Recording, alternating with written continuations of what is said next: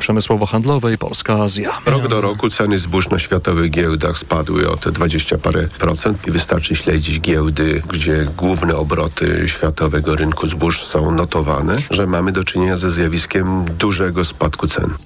Decyzja w sprawie umowy zbożowej będzie miała realny wpływ m.in. na migrację. Już kilka tygodni temu nasza Komisja Europejska zasygnalizowała Rosji ustępstwa w innych obszarach po to, żeby ta umowa była kontynuowana, no bo mamy świadomość, że któryś z dni ostatnich był rekordem migracji przez kanał La Manche do Wielkiej Brytanii. W tej chwili do Włoch przybywa kilka tysięcy tygodniowo ludzi. Te sygnały, które idą z północnej Afryki, które idą z Bliskiego Wschodu, także wywołują już dzisiaj dreszcz emocji. Według ONZ korytarz zbożowy otwarty dzięki temu porozumieniu sprawił, że ceny żywności na całym świecie spadły o ponad 20%.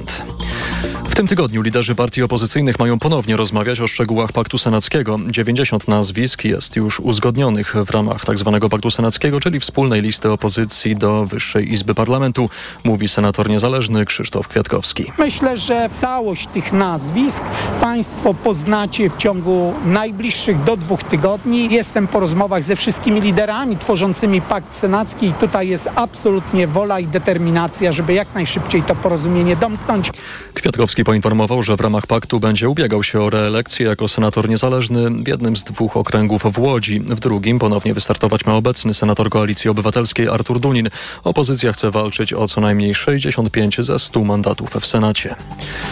W Chinach odnotowano nowy rekord ciepła. W miasteczku Sambao na północnym zachodzie kraju termometry pokazały ponad 52 stopnie Celsjusza.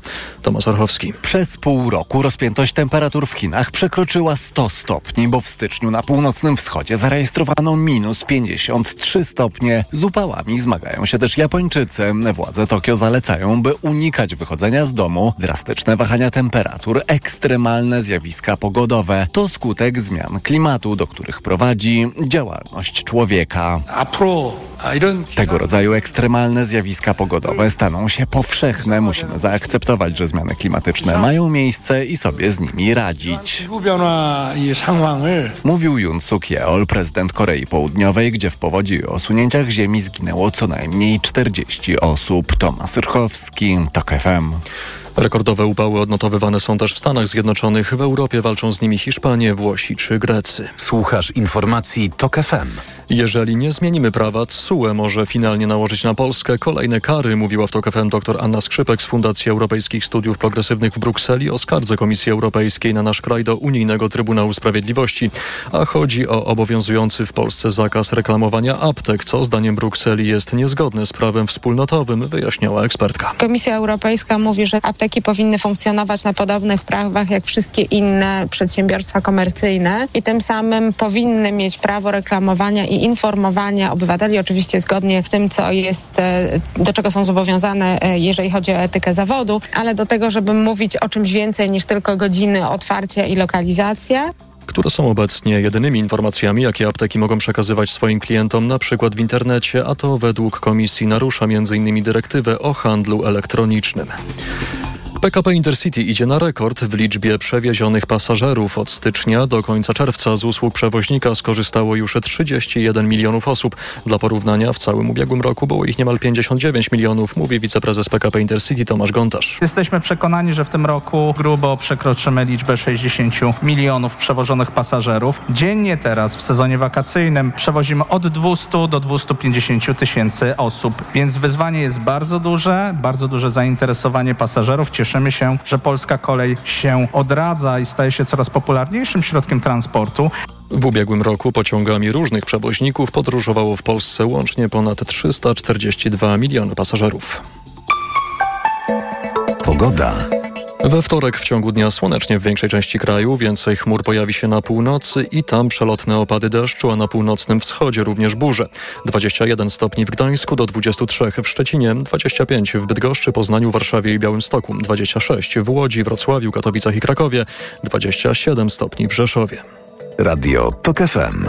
Pierwsze radio informacyjne. Mikrofon, Tok FM. FM. Jest 6 minut po godzinie 21. Słuchamy Radia Tok FM. Trwa program Mikrofon Tok FM. Jak zatrzymać szaleństwo na polskich drogach? To w kontekście e, niebezpiecznych sytuacji, których wszyscy jesteśmy świadkami i współuczestnikami, e, ponieważ 85% polskich kierowców e, przekracza dopuszczalną prędkość. Pod numer 2244 044 pan Tomek z Warszawy zadzwonił. Dobry wieczór, panie Tomku. Panie Pawle. Dobry wieczór, słuchamy E, pana. No ja jestem wśród tych 85%, y, którzy przekraczają prędkość dozwoloną. E, to, ale to jest jakby, spozycjonuję się w ten sposób, no nie? Ale em, jestem kierowcą samochodu, mam auto czarne ze śmigłem z przodu i powiem szczerze, żadnym poprzednim autem nie jeździłem tak wolno i tak spokojnie po mieście. Rzucam kierunkowskazy, jestem kulturalny, wpuszczam wszystkich. Gdy widzę ograniczenie prędkości, czasami je przekraczam. Zwłaszcza gdy mi się gdzieś spieszy, ale staram się zachować maksymalnie jak to tylko możliwe, jak jeżeli można mówić w ogóle o czymś takim jak e, e, jakiekolwiek pozory bezpieczeństwa. E, jestem też kierowcą motocykla i powiem szczerze, że nieraz zdarzyło mi się totalne głupoty robić na motocyklu, przekraczać strasznie prędkość. A co to znaczy strasznie? Konkretnie co, co pan ma na myśli mówiąc strasznie przekraczać? To znaczy to jakie to są wielkości? No jeżeli, jeżeli, jeżeli motocykl potrzebuje dosłownie kilka sekund w stylu 4 sekundy na przykład, żeby osiągnąć prędkość 100 km na godzinę i robi to na pierwszym biegu, no to można się tylko domyślić jak bardzo, no nie?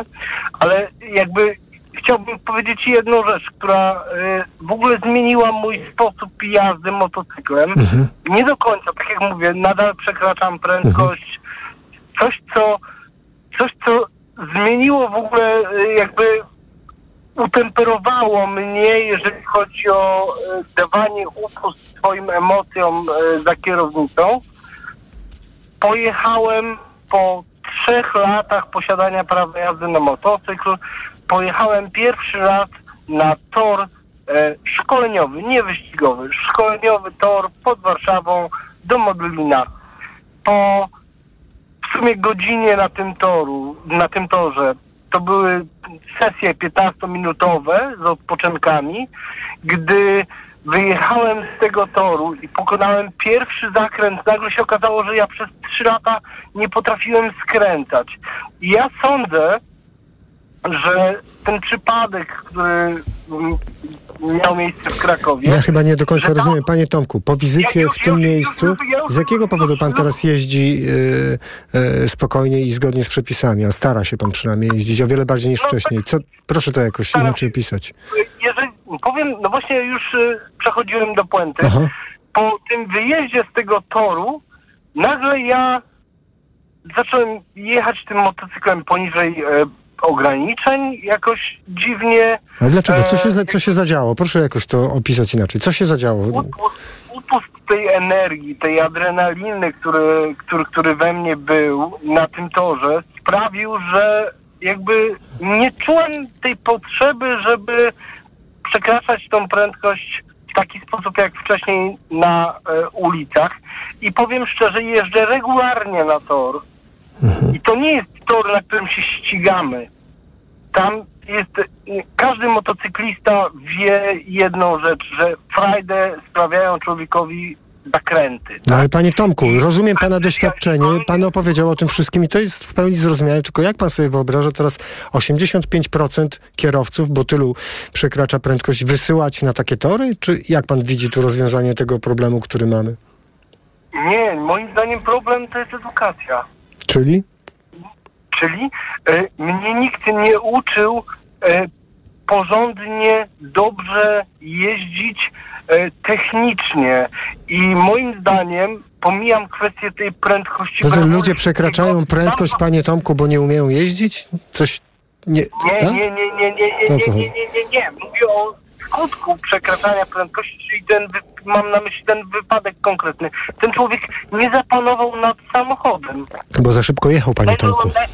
ale oczywiście, tak, tak, ale to była taka maszyna, która naprawdę, e, proszę mi uwierzyć, ona powinna się zatrzymać. Ten człowiek wpadł w jakąś panikę, nie opanował tego samochodu. Panie Tomku, bo, bo za szybko jechał. To, to, to my dzisiaj Ja- rozmawiamy, ja- dlaczego ludzie w Polsce za szybko jeżdżą. O tym dziś rozmawiamy, panie Tomku. Dziś w programie. Dlaczego my wszyscy w nie Polsce za szybko jeździmy? Bo? Dlaczego pan za szybko jeździł? Bo? Dlaczego ja za szybko Tak, jeździłem? pan dlaczego Miałem tak szybko jeździł? Miałem, miałem taką potrzebę wewnętrzną. Bo miał pan potrzebę. A muszę pana zapytać, bo na pewno słuchacze i słuchaczki są zainteresowani i chcie, chcieliby też skorzystać z tej okazji, że pan do nas zadzwonił. Jak to jest, kiedy pan jedzie w mieście motorem, który jest głośny i wie pan, że jest ciepło, ludzie mają otwarte okna, może tam są jakieś dzieci, które idą spać, ludzie, którzy się chcą na czymś skupić i pan jedzie i pan wie, że pan ma ten głośny motor. Czy pan myśli o tym, że, in, że pan przeszkadza y, innym ludziom, powoduje, że ich życie jest no, To jest, Trudne? To ja już powiem tak, to ja już Aha. powiem tak, to jest mój, to jest mój drugi motocykl. E, Aha. W pierwszym przerobiłem e, tłumik e, i on rzeczywiście był głośny. Mhm. Króluje wśród motocyklistów takie przekonanie, że głośny wydech ratuje życie. Panie Tomku, ale to pytanie brzmi inaczej okej, jeszcze raz. Panie Tomku, czy myślał rzecz- pan o kobietach w ciąży, starszych osobach, dziennikarzach radiowych, nie wiem, dostarczycielach pizzy, wszystkich możliwych ludziach, mój- któ- mój mo- którzy są przerażeni tym, że... że... Mój nowy, motocykl, mój nowy motocykl jest cichutki, a jak podjeżdżam Pytam na o pana stary, o stary motocykl, pana pytam, panie Tomku. No, Pana stary no, no. motocykl. Czy myślał pan o tych innych ludziach? Czy czasami otworzyło się okno i ktoś, albo nie wiem, zaczepił pana i powiedział, pan hałasuje, a my tu mieszkamy, żyjemy? Były takie sytuacje?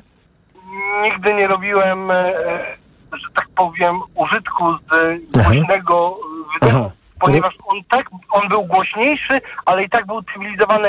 E, Proszę mi uwierzyć, że ja mieszkałem w takim miejscu, że ja naprawdę słyszałem te ryczące e, e, motocykle i ryczące Jak pan to rozumie? Jak pan by odpowiedział na to pytanie? Dlaczego ludzie tak strasznie hałasują? Chociaż nie są sami w mieście przecież. A to jest moim zdaniem ego. Chcą I po no- prostu no być mówię, słyszalni. Tak, tak, tak, no jakby Rozumiem. umówmy się, no, dlaczego się kupuje krzykliwe samochody, krzykliwe e, motocykle?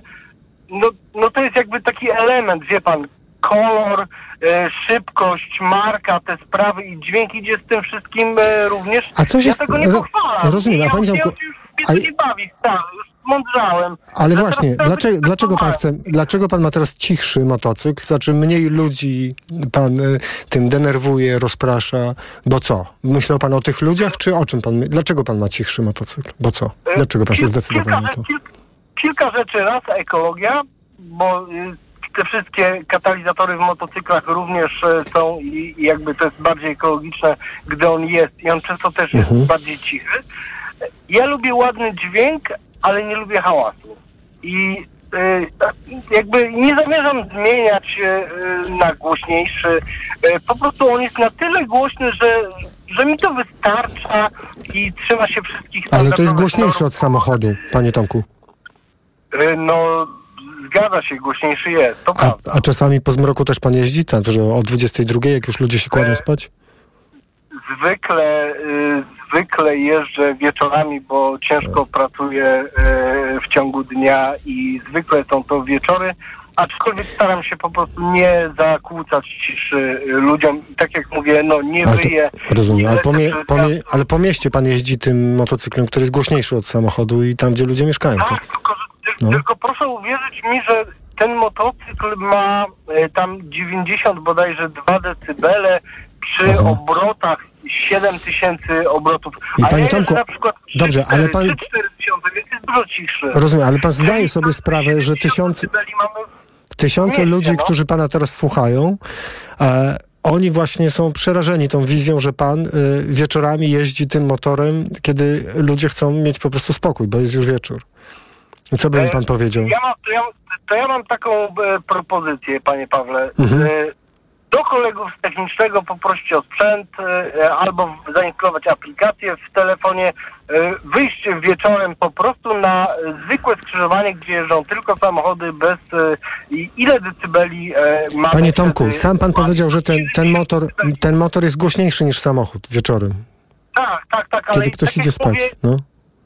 Ja, ja, ale nie jeżdżę ludziom pod oknami, nie robię hałasu, Mhm. Rozumiem. e, na pewno nie robię tego specjalnie. Tak jak mówię, e, w tej chwili e, mam motocykl, który jest cichszy, jest bardziej kulturalny, jest bardziej ekologiczny Mhm. e, i e, mi to bardzo pasuje. Ja rozumiem, że panu pasuje, pan o tym mówił, tylko chciałem się dowiedzieć, jak pan widzi tych innych ludzi, którym czasami jednak przejedzie pan pod oknem tym motocyklem e, typu, nie wiem, o 22 dajmy na to, tak. Ale. Ale to ja panu powiem po prostą rzecz. Y, Wjechałem, y, wjechałem do, do, garażu y, kiedyś jeszcze z poprzednim motocyklem i postanowiłem jeszcze przesmarować łańcuch, więc silnik przez chwilkę chodził i zszedł do mnie jeden sąsiad. Powiedział, że mu to przeszkadza. Powiedziałem, nie ma sprawy. W takim razie nie będę uruchamiał silnika w garażu, do którego wyjadę. Bardzo mi przykro, przepraszam. No tak, no ale... To jest- jest, jest kwestia kultury, tak? Tak, panie To jest Tomku, no ale dobrze, panie Tomku, dajmy jeszcze szansę innym słuchaczom, bo wiele osób do nas dzwoni. Dziękuję za pana głos. Pan Tomek z Warszawy był z nami, pan Paweł z Łodzi. Dobry wieczór, panie Pawle. Dobry wieczór. Dobry wieczór, słuchamy E, pana. Ale się poskładało. Ja też jestem ten zły i niedobry motocyklista. Zapraszamy, proszę mówić. E, Wróciłbym do tematu, który jedna z pań poruszała, Mhm. Skandynawia. E, Też miałem przyjemność w, w okresie swojego mm, e, zawodowego życia poruszać się po Skandynawii. Mhm. Opowiem przykład. Musiałem wrócić z pracy, mm, zdążyć na prom do Karlskrone, e, który potem miał mnie wieść do Gdyni. Mhm. I tak jakoś odjazd promu był bardzo odległy. Mówię, nie mam się śpieszyć, co ja będę tam robił w porcie, czekał. E, Zająłem się rozmową z pasażerem i tak pomalutku, powolutku tymi e, drogami skandynawskimi, które ostatnio w skołowanych nawet poruszany był ten temat, schemat drogi 2 na 1, czyli przez pewien czas jest e, jeden pas e, po mojej stronie, dwa po przeciwnej i za kilka kilometrów się zmienia. Po to, żeby upłynnić ruch, łatwiej się wyprzedzać. E, No i zająłem się rozmową. e, Była pojedyncza droga, jechałem mm, szybko, jakieś 75 km na godzinę. Droga na to pozwalała. E, I nagle w pewnym momencie zwróciłem uwagę w lusterku, e, że taki różaniec, że tak powiem, samochodu za mną się ustawił. No, Mówię tak, to tam gazu, mówię, nie będę robił z siebie głupka, nie będę pokazywał, że jestem ten taki normalny Polak. E, dojadę, bo, bo znaczy, że za, za dosłownie 500 metrów rozpoczyna się ten podwójny pas. Proszę sobie wyobrazić, że rozpoczął się podwójny pas, nikt mnie nie wyprzedził. Wszyscy kontynuowali jazdę tym samym tempem. E, inna historia. Ale za E, jaki jest morał z tego, panie, no, e, a to za, właśnie zaraz, zaraz powiem. Aha. E, bo to, bo to e, historia jest wielowątkowa, bo e, i o przyzwyczajeniach, i o rodzicielstwie. E, inna historia, e, autostrada. Był moment, podobno teraz to zostało zmienione, na pewno któryś z słuchaczy sprostuje, był moment, kiedy w Skandynawii, w Szwecji było dopuszczone prędkość na autostradzie 110 km na godzinę. Nie tak jak u nas, że na autostradę i samochód z przyczepą może jechać tyle, samochód osobowy tyle, a ciężarówka tyle i nagle się okazuje, że każdy jedzie inaczej i się robi, nie wiem, wyścig słoni czy tam jakichś innych e, e, mastodontów.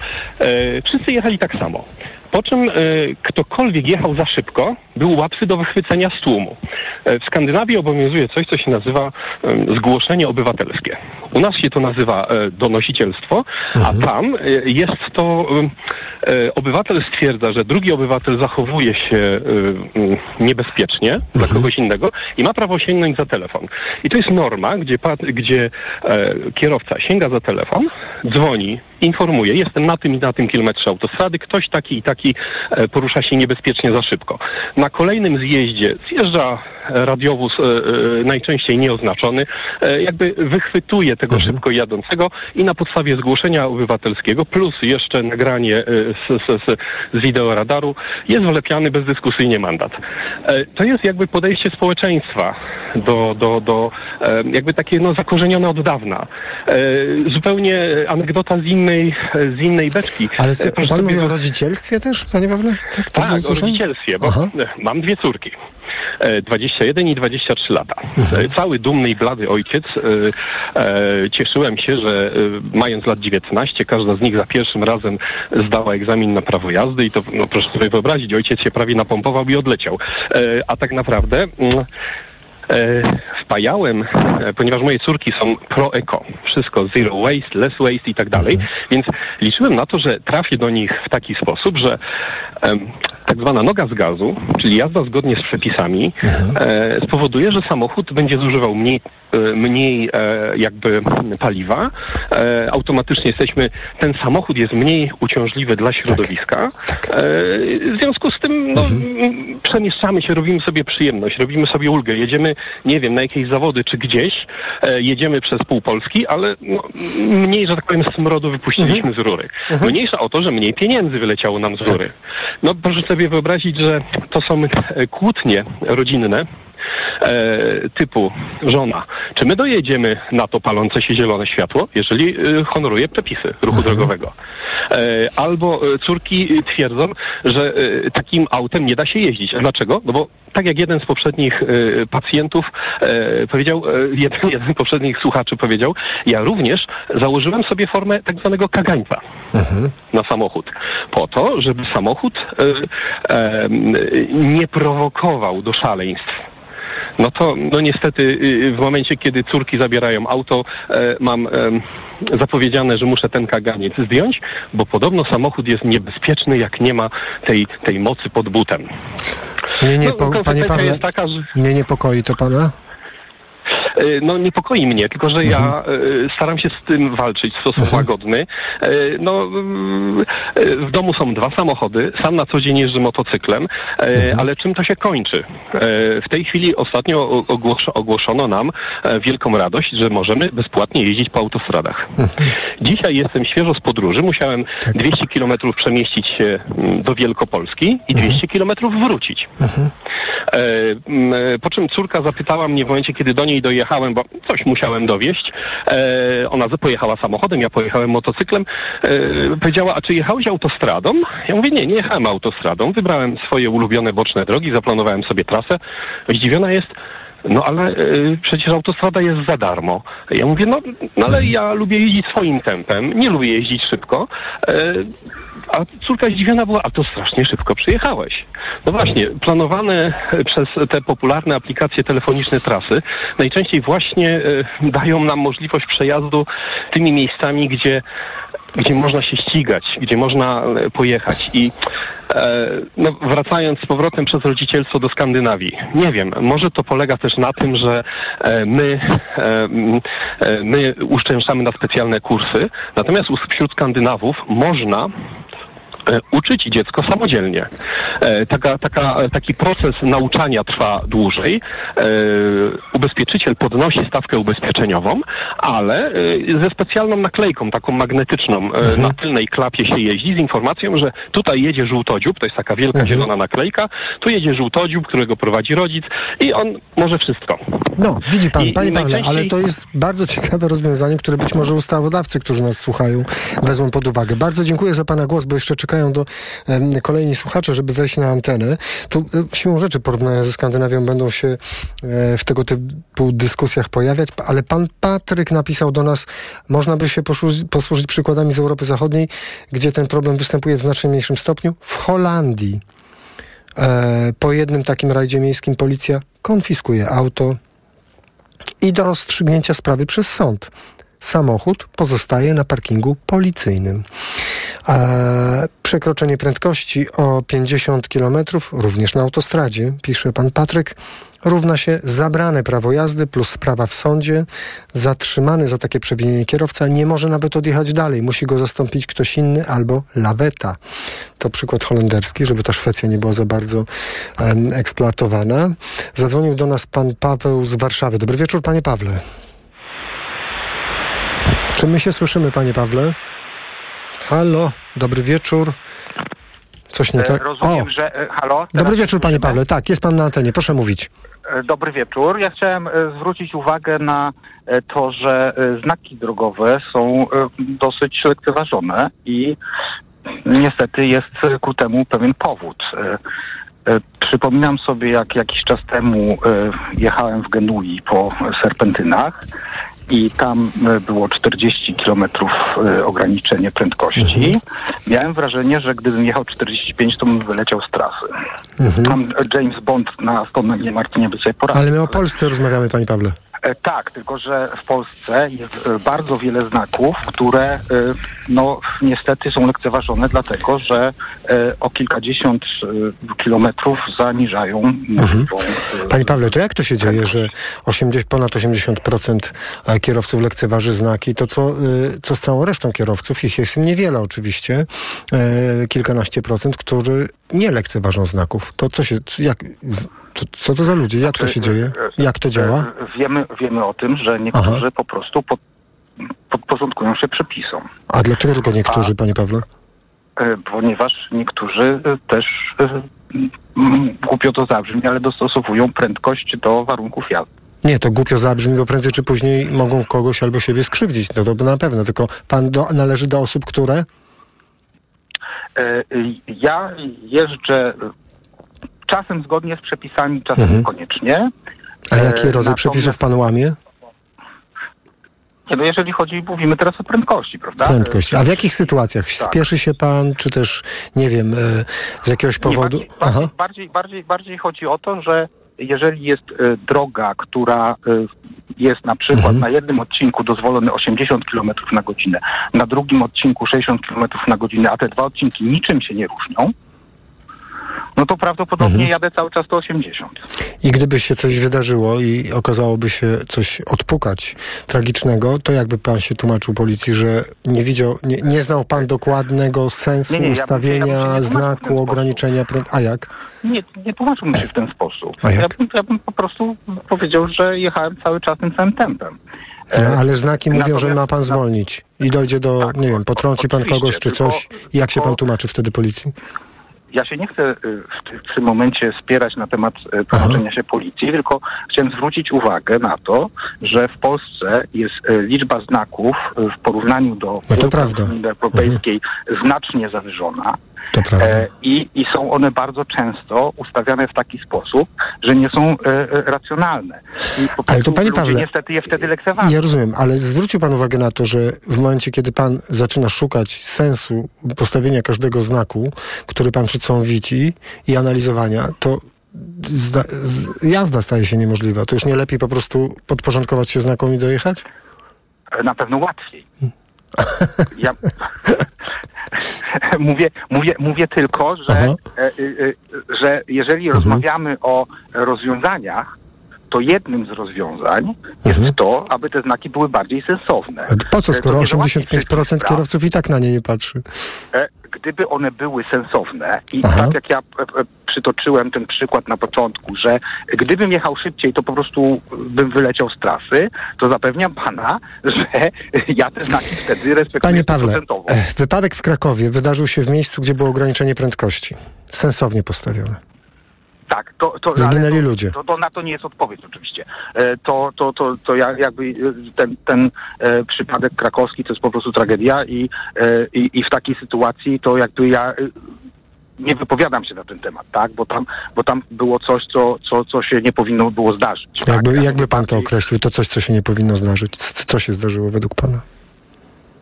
No, głupota, brawura, nie wiem co tam. Nie, nie, znam, nie znam tak dobrze sprawy, żeby. Chyba to. żeby Z... się- No ale dobrze, ale panie Pawle, czy my z, z racji tego, chociażby, że mamy tak samo na imię, zgodzimy się co do tego, że przynajmniej w takich sytuacjach znaki nie załatwiają nam sprawy? Nie, ja tylko mówiłem o szerszej edukacji i e, szerszym Rozumiem, postrzeganiu rozumiem. przez kierowców e, e, tego, Tak. żeby będą bardziej te znaki respektować, jeżeli będą postrzegać je jako sensowne. Rozumiem. Panie Pawle, dajmy jeszcze szansę innym słuchaczom. Bardzo dziękuję za pana głos. Pan Paweł z Warszawy był z nami. Pan Piotr z Bydgoszczy. Dobry wieczór, panie Piotrze. Kłaniam się panie Pawle, dobry wieczór. Witam. Dobry wieczór, słuchamy. E, wie pan co, ja powiem panu e, takie moje przemyślenie, czekając tutaj na połączenie. E, mm, nie, znaczy oczywiście edukacja tak, bo edukacja zawsze jest skazana, natomiast uważam, że ponieważ w ludzkiej naturze leży taki generalnie wyścig, tak, więc myślę, że konsekwencje przede wszystkim, tak, konsekwencje y, mogą tylko być wtedy, kiedy mm, każdy z nas jeżdżąc zbyt szybko na przykład poniesie, wie, że poniesie konsekwencje, tak? Czyli y, dlaczego nikt ze słuchaczy dzwoniąc nie wspomniał o na przykład o fotoradarze, tak? Przecież to jest najprostsze rozwiązanie z możliwych. Postawić je wszędzie, gdzie się da, mm, głównie poza miastem, tak, chociaż w mieście też, a w mieście wykorzystać miejski monitoring, tak? Każde skrzyżowanie w miastach, nawet w malutkich ma- miejscowościach jest y, y, objęte miejskim monitoringiem, tak? Y, gdyby to było spięte z jakimś systemem policyjnym i każdy z nas jadąc samochodem wiedziałby o tym, że jeżeli przejeżdża przez skrzyżowanie na, nie wiem, na żółtym świetle na przykład, tak? Czy jeżeli nie włączy nawet tego migacza, co jest w ogóle nagminne, bo akurat tak sobie tutaj też ja czekając na połączenie zauważyłem, że właściwie nikt go nie włącza, albo niewiele osób go włącza. Ym, y, lub rzeczywiście jedzie zbyt szybko tam, gdzie, gdzie nie wolno jechać, ym, powiedzmy powyżej pięćdziesiątki. No to gdyby rzeczywiście wiedział, że będzie... Ja powiem panu taki przykład. Mieszkam w Bydgoszczy. Y, koło Bydgoszczy jest taka miejscowość Solec Kujawski. Y, tam y, o tym fotoradarze wiedzą wszyscy, bo on tam stoi od lat i stoi zawsze, tak? Nie jeżdżę tamtędy jakoś bardzo często, ale przejeżdżając sam wiem po sobie, y, że zwalniam do pięćdziesiątki i tam wszyscy zwalniają, jak po prostu jak amen w pacierzu, wszyscy zwalniają do pięćdziesiątki. Y, Bo wiedzą, że jeżeli będą jechali zbyt szybko, to wiadomo, będą mieli zdjęcie, tak, i w konsekwencji zapłacą mandat. Mniejszy lub większy, ale zapłacą, tak? Panie Dlatego, Pawle, ale jak czy to rozumiem, że prędzej czy później zdarzyłaby się i tak taka sytuacja, żeby pan jechał, nie byłoby fotoradaru i tak by pan przekraczał prędkość, jakby pan wiedział, że tu nigdzie nie ma fotoradaru. Mm, ale ja bym tego nie wiedział, wie pan, bo oczywiście, no są mapy, tak, oczywiście są, jest, jest Janosik, to jest oczywiste, tak, Y, natomiast, wie pan, myślę, że, tak jak powiedziałem, że oczywiście y, edukacja, tak, natomiast, no, wie pan, no, sami wszyscy wiemy, tak, znaki są i, i co z tego, tak, jeżeli wiemy, że gdzieś stoi policja, to zwalniamy, a po co? No właśnie, taka, bo też o tym czytałem nawet kilka dni temu, że yy, po co stawiać policję, która gdzieś tam za krzaku wyskakuje, tak? Yy, co, to się wiąże oczywiście z kosztami, w sensie, że ci policjanci zamiast, nie wiem, chodzić powiedzmy po ulicach i pilnować porządku, to oni gdzieś tam się muszą czaić za krzaków. Yy, po prostu w to miejsce postawić maszynę, proste urządzenie, Panie Piotrze, koniec.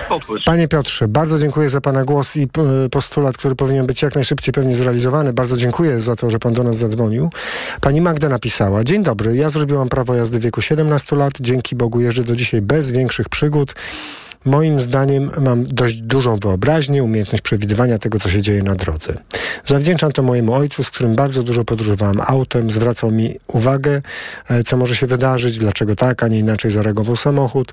Uczulał na to, że w każdej chwili w terenie zabudowanym na drogę może wtargnąć dziecko.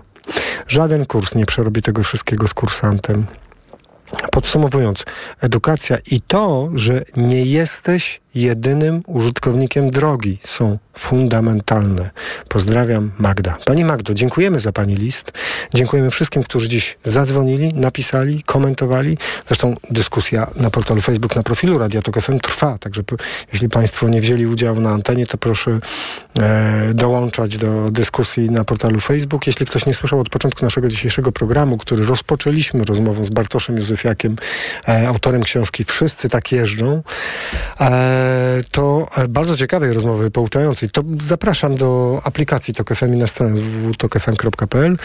E, dziękuję za dzisiejszy program w imieniu Małgorzaty Wołczyńskiej i Martyny Lisy, które przygotowywały i wydawały dzisiejszy program i Krzysztofa Olesiewicza, który go realizował.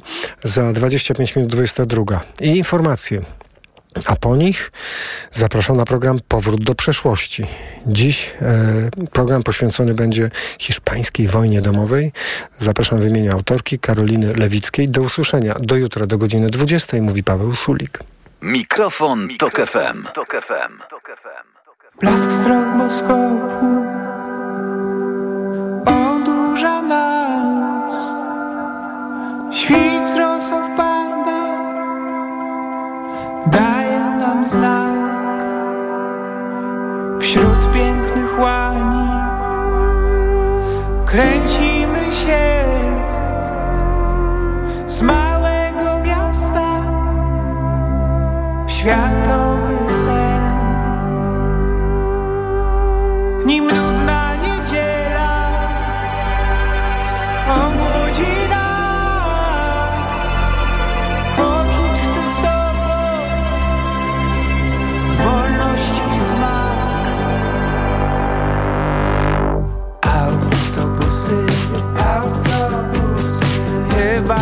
child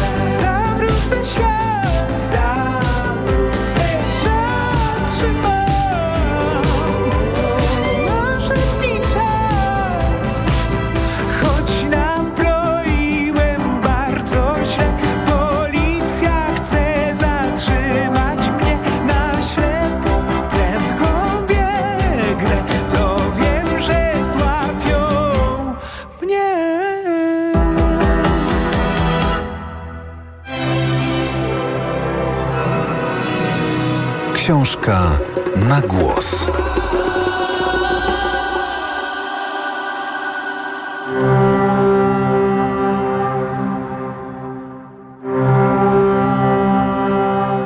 Wydawnictwo Agora przedstawia. Oksana Zabuszko. Planeta Piołun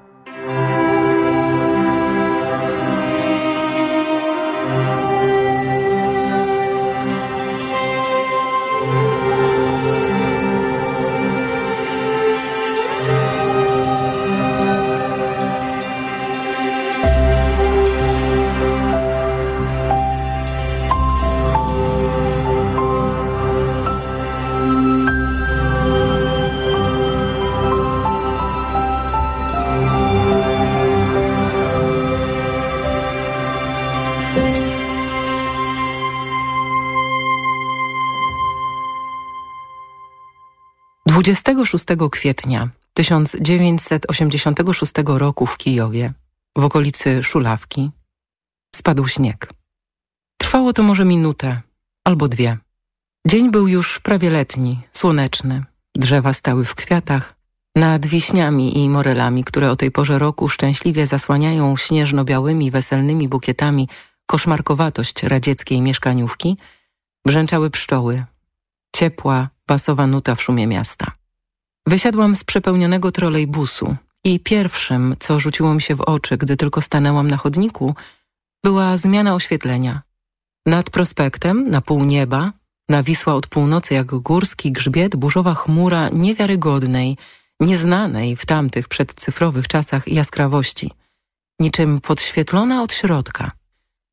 Zachód płonął spod niej zimnym, metalicznym blaskiem, jak w atmosferze innej planety. Ale pięknie, westchnął ktoś za moimi plecami. Pamiętam zachwyt na twarzach przechodniów, oblanych przedziwnym światłem, jak w dyskotece. Podobne kadry, tylko jeszcze bardziej granatowo oświetlone, można dziś zobaczyć w Melancholii Larsa von Triera. W scenie, w której bohaterowie wychodzą na ganek oglądać planetę zabójcę. Zadarte głowy, zamarłe szerokie uśmiechy. I wtedy spadł śnieg. Spadał i od razu topniał. Pamiętam, jak śnieżynki lądowały na kołnierzu mojego żakietu. Żakiet był biały i ja, śmiejąc się z zaskoczenia, jak wszyscy wokół, tego tylko brakowało, śnieg w środku wiosny. Zdążyłam jeszcze pożałować, że na białym tle nie widać śnieżynek. Miałam 25 lat i o śniegu wiedziałam tylko tyle, że mi z nim do twarzy. Poprzedniej zimy mężczyzna, w którym byłam zakochana, pocałował mnie wśród śnieżycy, starając się nie strząsnąć śniegowej czapy z moich włosów. I w tamtej chwili widziałam siebie, jego oczami. I czułam się piękna. A już w następnej chwili zauważyłam, że śnieżynki na kołnierzu żakietu zniknęły, o dziwo, nie zostawiając po sobie ani śladu wilgoci.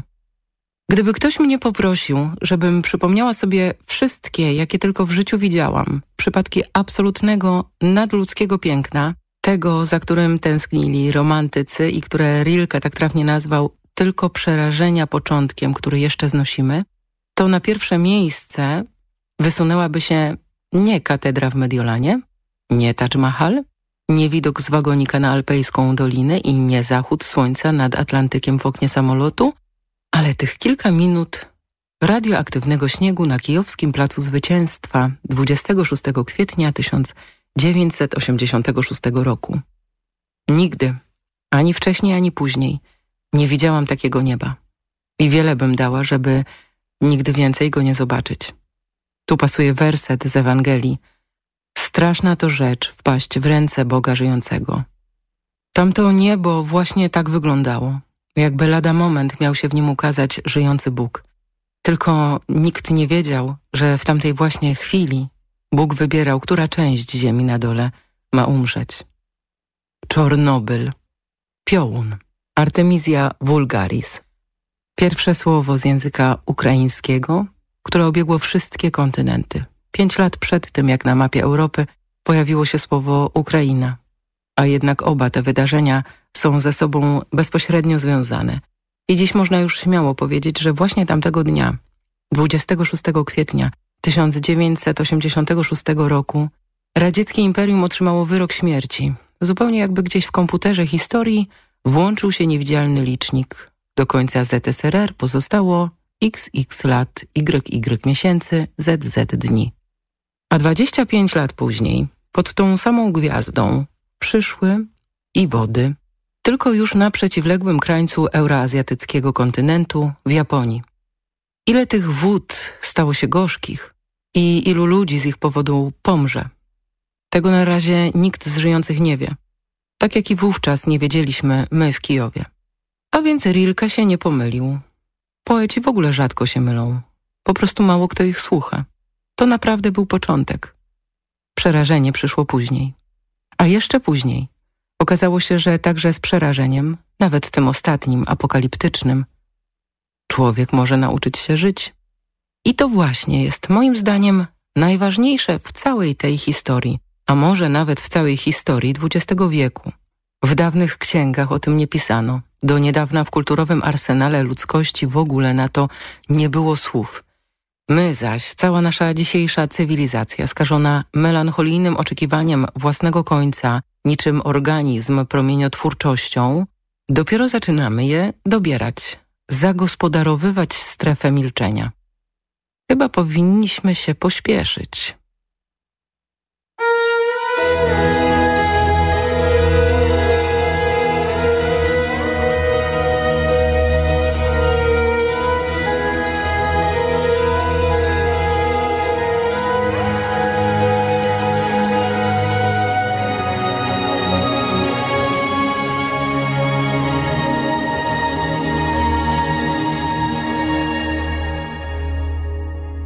Przez te całe 25 lat nigdy o tym nie pisałam i nikt z moich rodaków ani razu nie spytał mnie dlaczego.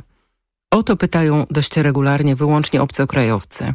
Moi rodacy zbyt dobrze wiedzą, czym jest strefa milczenia i jak trudno z niej wyjść. Kiedy rosyjski reżyser Aleksander Mindadze pokazał w Kijowie film w sobotę, nakręcony w koprodukcji z Ukrainą i Niemcami, wedle zapowiedzi z okazji 25. rocznicy katastrofy w Czarnobylu, Sala kinowa pękała w szwach.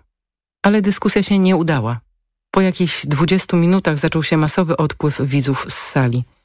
Te bandyckie namiętności na rosyjskiej prowincji, które wrzały na ekranie, miały tyle samo związku z wydarzeniami naszej wiosny 1986 roku, co jakiś hollywoodzki Taras Bulba z Julem Brynerem w roli tytułowej z historią zaporowskiego kozactwa. Więc kijowianie, przeważnie średniego i starszego pokolenia, ci, którzy pamiętali, milcząco głosowali nogami.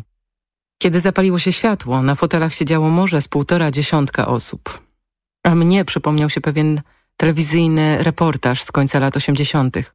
Obcy dziennikarze wypytywali w 30-kilometrowej zonie wokół reaktora nielegalnych osiedleńców, którzy po roku tułaczki po partyzancku wrócili do rodzinnej wsi.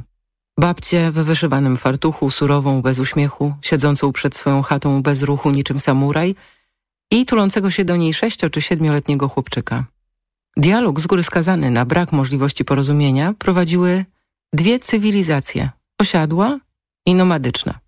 Nomadyczna, ustami dziennikarzy, tłumaczyła babci, że osiadłość przyniosła jej śmierć i że jedyny sposób ucieczki przed tą śmiercią to dołączenie do nomadów. Babcia odpowiadała skąpymi słowami. Znacznie wyraźniej przemawiała jej twarz. Wypisana była na niej niewymawialność przeżytego doświadczenia i bezgraniczna pogarda wobec rządzącej światem ludzkiej głupoty. W pewnej chwili, najwyraźniej utraciwszy nadzieję, że zostanie usłyszana, zamiast odpowiedzieć, machnęła ręką Ed. I stanowczym ruchem wstała, biorąc wnuka za rękę. Chłopcze, idziemy. I zniknęła w chacie, zamykając za sobą drzwi. Też zagłosowała nogami.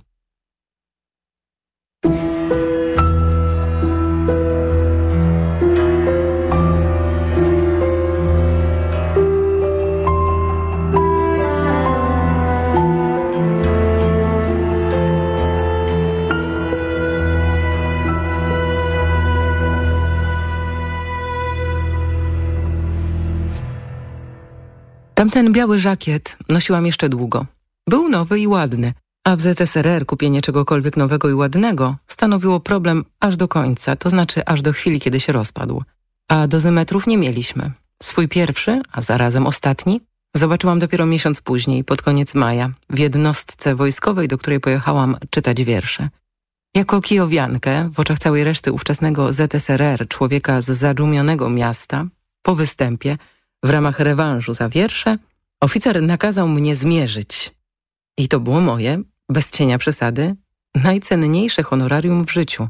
Tym poleceniem oficer na oczach podwładnych łamał tajemnicę wojskową ZSRR i ryzykował własną karierę, gdyby na sali znalazł się donosiciel. Ale licznik na komputerze historii już tykał. Donosicieli bano się mniej niż promieniowania i w obliczu tego większego strachu ludzie prostowali się i nabierali odwagi. Młodziutcy żołnierze mierzyli mnie ze wzruszającą niemal lekarską dbałością. Pamiętam, że zapiszczały buty i chyba mankiety rękawów, ale pod koniec maja i tak wszyscy już wiedzieli, że najwięcej łapią buty, ręce i włosy i dlatego po wejściu do domu trzeba je niezwłocznie zdezaktywować, to jest umyć. Nawyk mycia głowy tak samo często jak zębów pozostał mi do dziś. Po prostu myć, myć, póki wystarczy sił. W wersji idealnej wszystko i bez przestanku. W maju 1986 roku Kijów był najczystszym miastem na ziemi. Dzień i noc po ulicach krążyły polewaczki i czarny, gładki asfalt w białych kołnierzach piany mienił się w słońcu jak rentgenowska klisza. Czasem pachniało gabinetem rentgenowskim, a świeżością nie wiedzieć czemu nie pachniało. Może dlatego, że na ulicy wszyscy staraliśmy się nie oddychać pełną piersią i w ogóle jak najmniej wystawiać nosy z zamkniętych pomieszczeń. A może na jakiś czas nasz węch uległ przytępieniu. To drugie wydaje mi się bardziej prawdopodobne. Wszystkie zmysły były wówczas trochę ogłuszone, jakby wytrącone z równowagi i raz po raz wysyłały mózgowi błędne sygnały. W gardle drapało jak przy przeziębieniu, a bólu nie było. Reakcja na izotop jodu, która trwała dokładnie cztery tygodnie, czyli przez okres całkowitego rozpadu. A kiedy komuś niespodziewanie w biały dzień ciemniało przed oczami, nikt nie umiał powiedzieć, czy to skutek napromieniowania, czy reakcja na alkohol – za lekarstwo na promieniowanie uważano czerwone wino i przez cały maj sumiennie wszyscy się nim upijaliśmy, włącznie ze starcami i inwalidami. Innymi słowy, pod względem fizjologicznym wszyscy byliśmy jakby trochę wykoślawieni.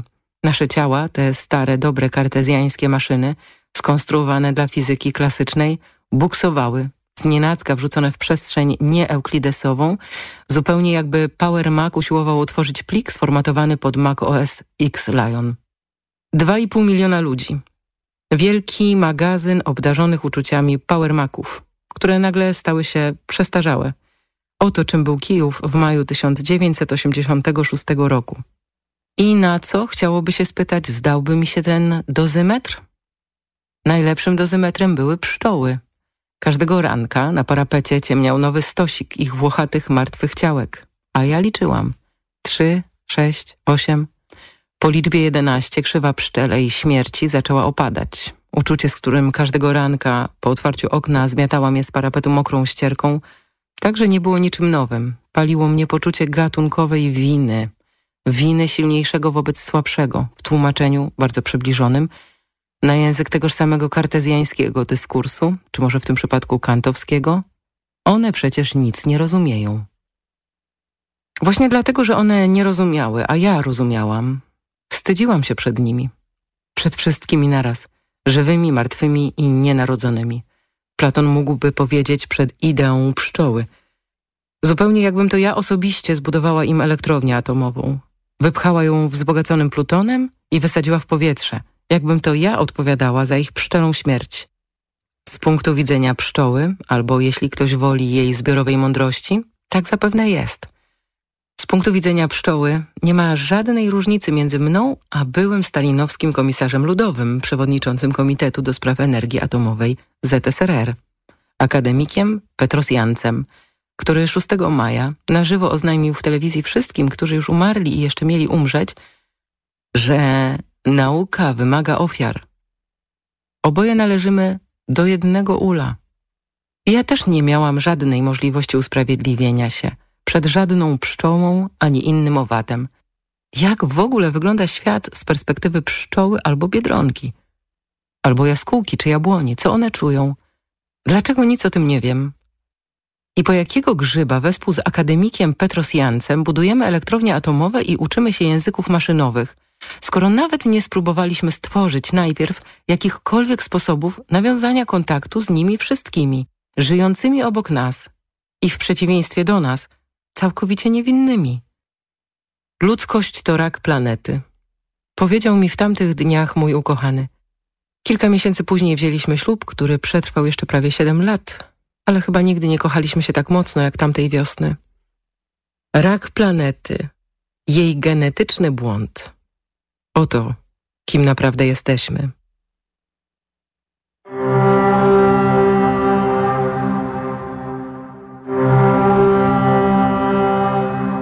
Anna Maria Buczek przeczytała pierwszy fragment książki Oksany Zabuszko Planeta Piołun. Przekład Katarzyna Kotyńska, Joanna Majewska i Anna Łazar. Muzyka i produkcja Jarek Gawlik.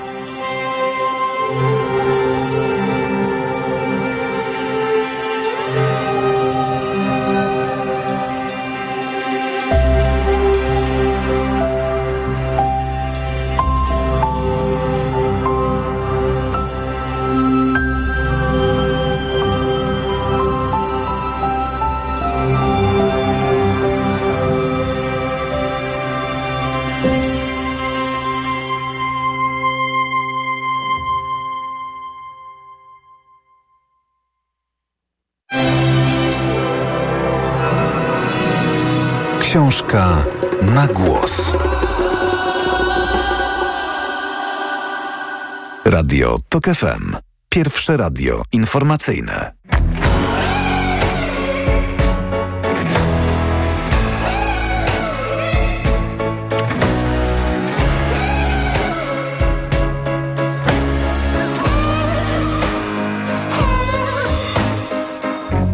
Przybliżasz się powoli, nie będzie w tym twojej winy.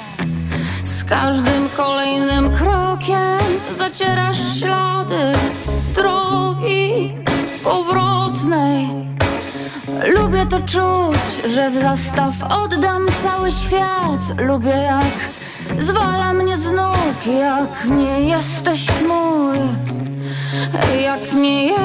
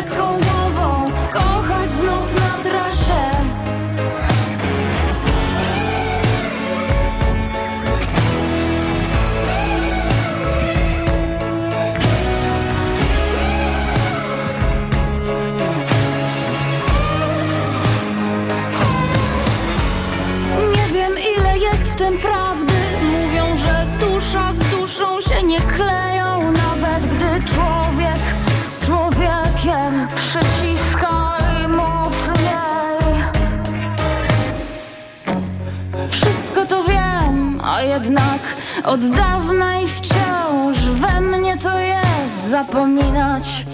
Chcę Zapominać chcę po czasie. Choć idziemy